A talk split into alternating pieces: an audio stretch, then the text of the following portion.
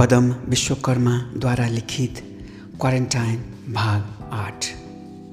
सातौँ दिन सूर्यको किरणले भर्खर धरती टेकेको थियो। डाक्टरले हसाङ फसाङ गर्दै विनयलाई फोन गरे। उनीहरू दुवै खुसीको खबर सुन्न लालायत थिए।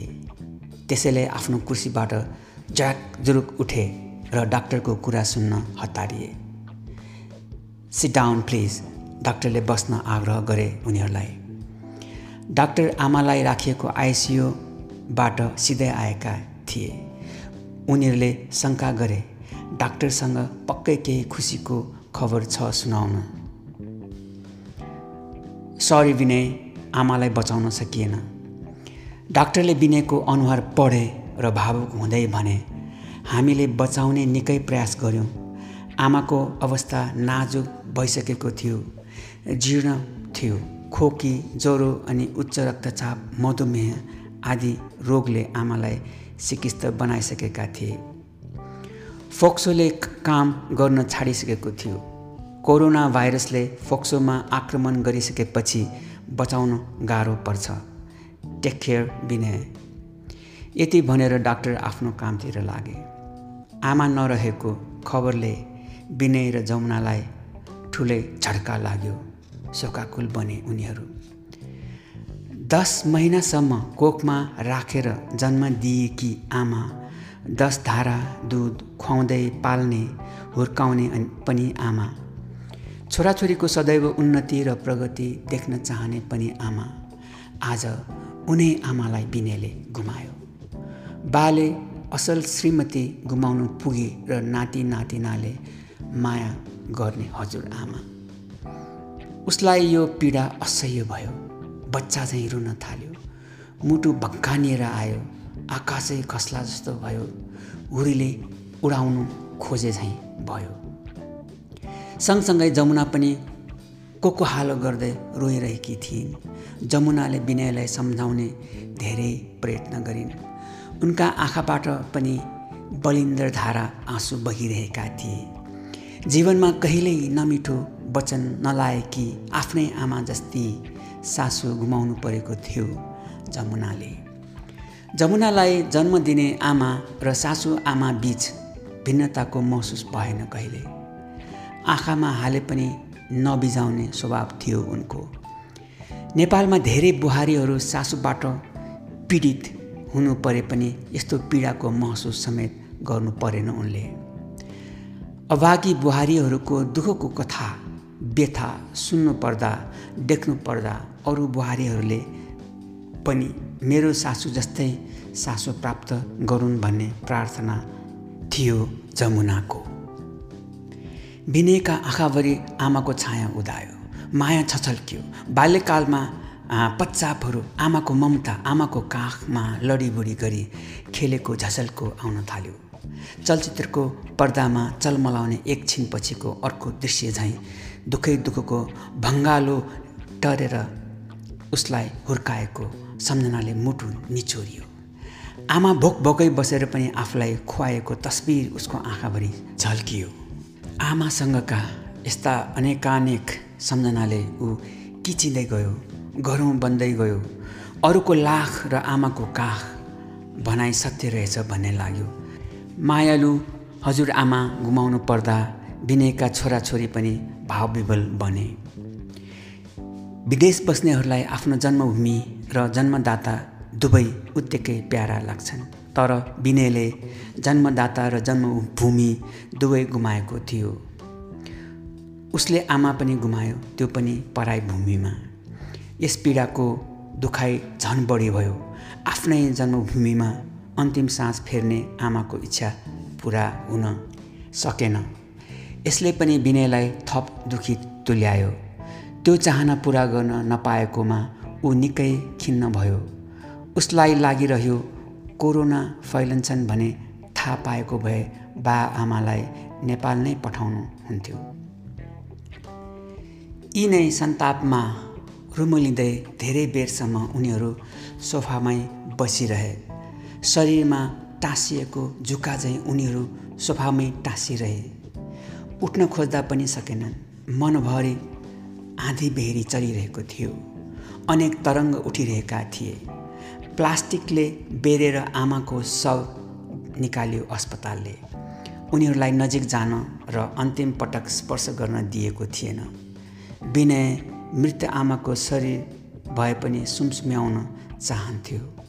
माया गर्न चाहन्थ्यो र आमाको लत्रिएको कपाल मिलाउन चाहन्थ्यो तर त्यो सम्भव भएन। अन्त्येष्टिको चाँजो पाँजो भयो। केही दिनपछि नजिकै रहेको चर्चमा अन्त्येष्टि गर्न निश्चित भयो र कसैलाई खबर नगर्न र आफूले पनि टाढैबाट फुलका गुच्छा मात्रै चढाउन भन्यो चर्चले। यो सम्झेर विनय झन् विफल भयो। जन्म दिने आमालाई अब चाहेर पनि छुन सक्दैनथ्यो यो सब समयको षड्यन्त्र हो उसले मनै मन भन्यो। थाहा नदिँदा नदिँदै पनि थाहा भइहालेछ। दिनभर समवेदनाको ओहिरो आइरह्यो।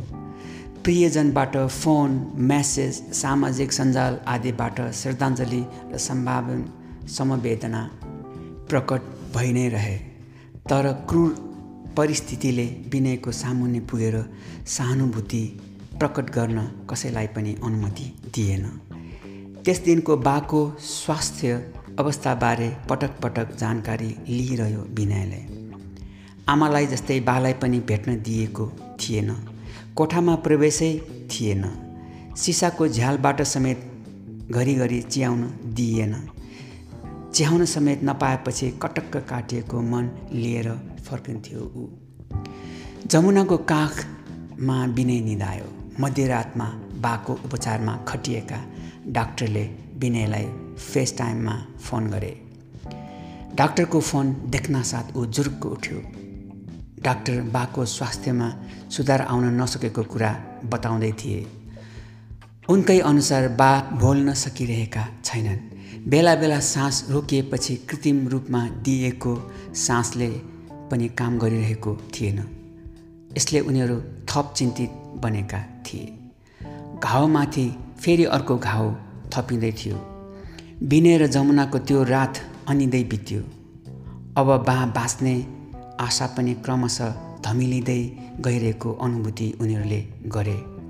सायद ती डाक्टरले त्यही कुरा सुनाउन फोन गरेका थिए। भनेर लक काटे उनीहरूले। अर्को दिन विनयका बुढाबुढीले फेस टाइममा निहालिरहेका थिए। डाक्टर नर्स सबैले बालाई लगाइएको अक्सिजनको पाइप भाइटल नाप्न प्रयोग गरिरहेको पाइप सलाइनको पाइप जति सबै शरीरबाट अलग गरे। कम्प्युटरका सबै अङ्कहरू शून्य झरेका थिए। स्क्रिनमा देखिने फुक्दै र सुक्दै गरेको फोक्सो टक्क रोकिएको थियो। बाको शरीरमा जडित कम्प्युटर बन्द गरे उनीहरूले। अनि शरीरलाई प्लास्टिकले ऱ्याप गरेर पातलो कपडाले शिरदेखि पैतालासम्म छोपिदिए। तीमध्ये एकजना डाक्टर सरासर उनीहरूसँग कुरा गर्न फेस टाइममा आए। आमाको खबर सुनाए झैँ गरी उनले पनि sorry he is no more भने। एकैपटक बा आमामा गुमाउनु पर्दा विनयको होस ठेगाना भएन। आफू अनाथ भएको महसुस गर्यो। थकथकी पनि लागिरह्यो। बा आमा दुवैले यो संसारिक मायामोह लोभ लालच स्वार्थ दम्म र भेदभावले जेलिएको साँगुरो संसार चटक्क छाडेर गए। यसरी मृत्युसँगको लडाइँमा हारिरहँदा एकै घुटको पानी पिलाउन पनि पाएन कसैले। अन्तिम अवस्थामा बा आमाले भनेर बोलाउनु पनि दिइएन। कस्तो निष्ठुरी नियति। आकाश झ्याम्म झुम्म खसेर आफूमाथि खसे चाहिँ लाग्यो उसलाई। भिनेर लाग्यो म माथि एकसाथ दुई वज्र प्रहार भएका छन्। एकैचोटि यति ठुलो विपत्ति आइलाग्यो। धरतीको म जस्तो अभागी मान्छे हुँ जसले एकैपटक आफ्ना तिनै देवता गुमाए घरको देवता मनको देवता र जीवनको देवताहरूको वियोग सहेको छु। कति अभागी म। परिस्थिति कति निष्ठुर भएको हामीमाथि। बाआमा यतिखेर नेपालमै भएको भए महामारीले समात्ने थिएनन् कि? किन यतै बस्न आग्रह गरे होला? आफैलाई धिक्कारिएको उसले मनले। पीडाको गरुङ्गो भारी बोकेर सकि नसकी सोफाबाट उठे दुवै। पृथ्वी नै डगमगाए जस्तो लाग्यो भुइँचालोले हल्लाए जस्तो भयो आँखा तिरमिराए निष्पट्ट अँध्यारो भयो त्यही अन्धकारले विनयको आँखा अगाडि ढाकिदियो ऊ त्यही अँध्यारोमा हराएर आहत भयो। भोलिपल्ट आमाको अन्त्येष्टिको दिन महामारीमा मध्यनजर गर्दै भाइरस सर्ने भयले कसैलाई खबर गरेनन् उनीहरूले अन्त्येष्टिमा जमुनासहित विनयको परिवार मात्र जुट्यो। सामाजिक दूरीको ख्याल गर्दै चर्च पुगे। कोरोनामा सर्ने डरले परिवारका सदस्यहरू बाहेक अरूलाई प्रवेश दिएन चर्चमा। कस्तो दुःखको संयोग। आमाको अन्त्येष्टि गर्ने दिन बा पनि आमासँगै सहभागी हुन आइपुगेका थिए। श्रद्धाञ्जलीका लागि बा आमाको मृत शरीर सँगै राखियो। सँगै सुते जस्तो गरेर बाको सब दाहिनेतिर र आमाको देब्रेतिर। तर अन् अन्त्येष्टिका लागि एउटा कफिनमा एकभन्दा बढी सब राख्न नमिल्ने रहेछ। सदा झैँ बा दाहिनेतिर आमा देब्रेतिर। तर यहाँको सम्भव भएन। आर्यघाटमा भए आमा बालाई सँगै राखेर दाह संस्कार गर्न सकिन्थ्यो। आजीवन सँगै रहेका नछुटिएका प्रेमिल जोडीलाई जलाउनु अघि पनि सँगै राख्ने इच्छा विनयको परिवारको थियो। जुन इच्छा अधुरो अपुरो रह्यो। यो सब कोरोनाले गरेको थियो। चर्चको श्रद्धाञ्जली हलमा विनयको परिवार मात्रै थियो। विनयले सम्झ्यो अहिले नेपालमा भएको भए मलामीको कत्रो लस्कर हुन्थ्यो। बहिनी पनि बा आमालाई अन्तिम श्रद्धाञ्जली अर्पण गर्न चाहन्थे तर जहाज सबै रोकिएका कारण आउन सकिन। आवत जावत अवरुद्ध थियो। बा आमाका सम्झनाहरू कल्पना गरेर बस्न बाध्य भइन् बहिनी। छटपट्टिमै धमिलो मन लिएर आँखाबाट बलिन्द्र धारा आँसु बगाउँदै आफ्नै घरमा बसी। कति अमिलो समय जन्म दिने बा आमाको अन्त्येष्टिमा एक थुङ्गा फुल अर्पण गर्न पनि समयले दिएन। उसको मन साउनको झरी भयो। नेपालमै यी सबै घटना भइदिएको भए हिँडेरै पनि आफू बा आमाको अन्त्येष्टिमा पुगिने थियो। एउटै मुलुक भनेर के गर्नु? एक राज्यबाट अर्को राज्य पुग्न पनि एक मुलुकबाट अर्को मुलुक पुगे जस्तै लामो यात्रा गर्नुपर्छ यस देशमा। कति निष्ठुरी भयो समय कति निष्ठुरी भाइरस विनयको सहन शक्ति सक्यो। जन्म दिने बा आमा जो संसारका सबैभन्दा प्रिय थिए उसका निमित्त तिनैलाई एकैचोटि गुमाउनु पर्दा विनयको मन धरहरा ढले जस्तै गलाम ढल्यो। नढलोस् पनि कसरी? जसका बा आमा धरहरा जस्तै त के? धरहराभन्दा पनि अग्ला थिए। मनका आदर्शका र भावनाका आदर्श पुरुष थिए बा आदर्श गृहिणी थिइन् आमा। समुद्रको छाल उर्लिएर आयो र विनयलाई हिर्कायो नमजाले दैवले उसमाथि चोटको पहिरो झारिदिएको थियो। एक्कासी भुइँमा ढल्न पुग्यो विनय। हुरीले ढालेको रुख जस्तै। धेरै बेरसम्म अचेत बन्यो ऊ। बिउजदा प्यारामेडिक्सहरूले घेरिएको थियो। नजिकै एम्बुलेन्स खडा थियो। जमुना र छोराछोरी वरिपरि झुमिएका थिए। जमुनाले उसको गालाभरि बगेको आँसु रियाल र सिँगान पुछपाछ पारिन्। अलिकति पानीको घुटको मार्यो। उसले र लामो सास लिएर खुइँ गर्यो। आँखाहरू तिरमिराए। बा बिनाको निरही प्राणी बन्यो ऊ। कुनै समय थियो आमाको सिउँदोमा सिन्दुर निधारमा रातो टिका सुन्दर लाग्थ्यो। नाकको फुली र बुलाकीले थप सुन्दरता प्रदान गर्थ्यो। लर्केको तिलहरीमा आमा झन् झल्किन्थिन् यस्तै बाको शिरको टोपी सगरमाथाको प्रतीक लाग्थ्यो। चम्किलो मुहार थियो तर अहिले बा आमाको अनुहारमा त्यो चमक थिएन। अरूले नसुन्ने गरी बा आमासँगै बोलिरहेको जस्तो लाग्थ्यो र लाग्थ्यो छोरा बुहारी नाति नातिना सबैसँग बिदा मागिरहेका छन्।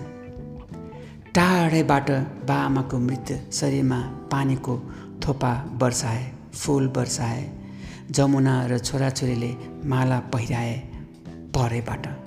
माला ठ्याक्कै बाह्र आमाको छातीमा बस्यो आहा कति उज्यालो देखिए बा आमा। सम्हालिने कोसिस गर्यो विनयले। आर्यघाटमा भए फुलै फुल र मालै मालाले बा आमालाई ढाकिन्थ्यो। यहाँ त खै। सबैले प्रदक्षिणा गरे परैबाट आशीर्वाद र माफी मागे। चर्चको क्रिस्चियन सेन्टरको मोटिसियनले पालै पालो कफिन किसार्दै क्रिमिसन गर्ने घरतिर लग्यो। गाउँमा भएको भए गाउँलेहरू सबै डाँडा भरि लवा लस्कर लाग्दै शङ्ख फुक्दै मलामी जाने थिए। घरदेखि घाटसम्म मलामीको लस्कर लाग्ने थियो। बाटाभरि सेक्का र धान चामल छर्दै लगिन्थ्यो। मर्स्याङदेखिको बगर मलामीले भरिभराउ हुन्थ्यो। तर यहाँ बा आमालाई जलाउँदा हामी सिवाय अरू कोही छैनन्। दाउराको चिता थिएन स्वर्गद्वारी थिएन। दागबत्ती तयार पारिएको थिएन। थियो त केवल मानिसलाई खाक पार्ने फलामे विद्युतीय मेसिन मात्रै। त्यही मेसिनमा राख्यो बा आमालाई अनि फलामको ढोका ढ्याम्म लाग्यो। अब विनयले बटन थिच्नु पर्थ्यो तर उसका हात कामिरहेका थिए। बल्ल तल्ल बटन थिच्यो। लगत्तै बा आमा खबर जसरी हुरहुर जल्न थाल्यो। जीवन केही रहेनछ आखिर। दिव्य ज्ञान प्राप्त भएको अनुभूति भयो विनयले। जतिखेर पनि फुस्स जान सक्ने यो प्राण रहन्जेल मान्छेहरू किन लड्छन्? किन देखाउँछन् धनको ध्वास? किन गर्छन् अहम? रित्तै आउने संसारमा जानु पनि रित्तै त रहेछ सबैले। बा आमा मेसिनभित्र जले। ऊ मेसिन बाहिर जलिरह्यो। आँखाभरि आँसुका धारा अटुट बगिरहे विनय र जमुनाको।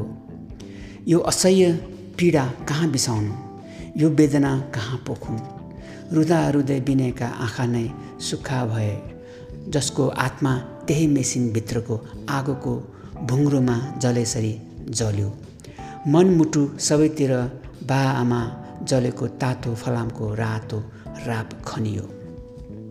केही बेरपछि मोटिसियनले बाआमाको अस्तु थमायो। विनयले उक्त अस्तु निहाली हेऱ्यो। अस्तु लिएर उनीहरू घर फर्किए तर नेपाल भइदिएको भए पो। सोचे जसरी बाआमाको अन्त्येष्टि नहुँदा उसलाई सन्तुष्टि मिलिरहेको थिएन तर के गर्नु र? विनयले बाआमाको अस्तु ग्रहण गर्यो। अस्तुलाई मनैदेखि माया प्रकट गर्यो।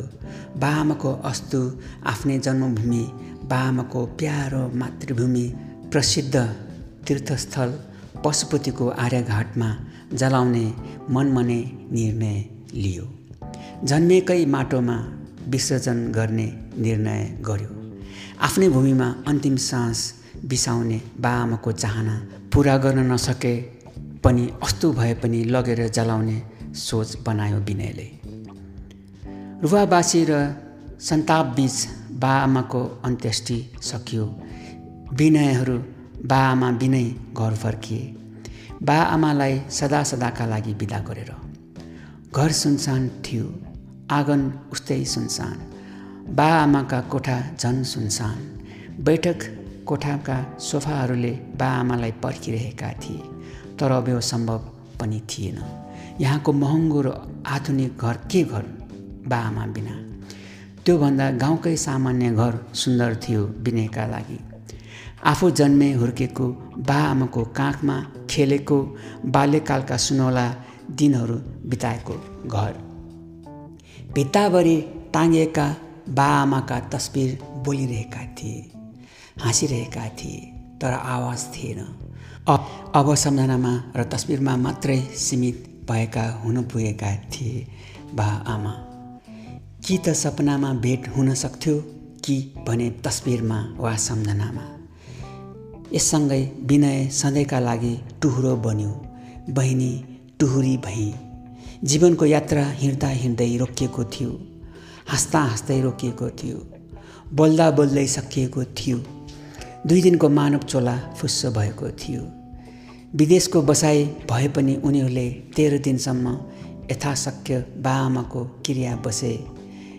एक सरो कपडा बेरे एक सरी ओछ्यान एक छाक खाए यसरी सामान्य तरिकाले तेह्र दिन पुगेपछि क्रियाबाट उम्किए।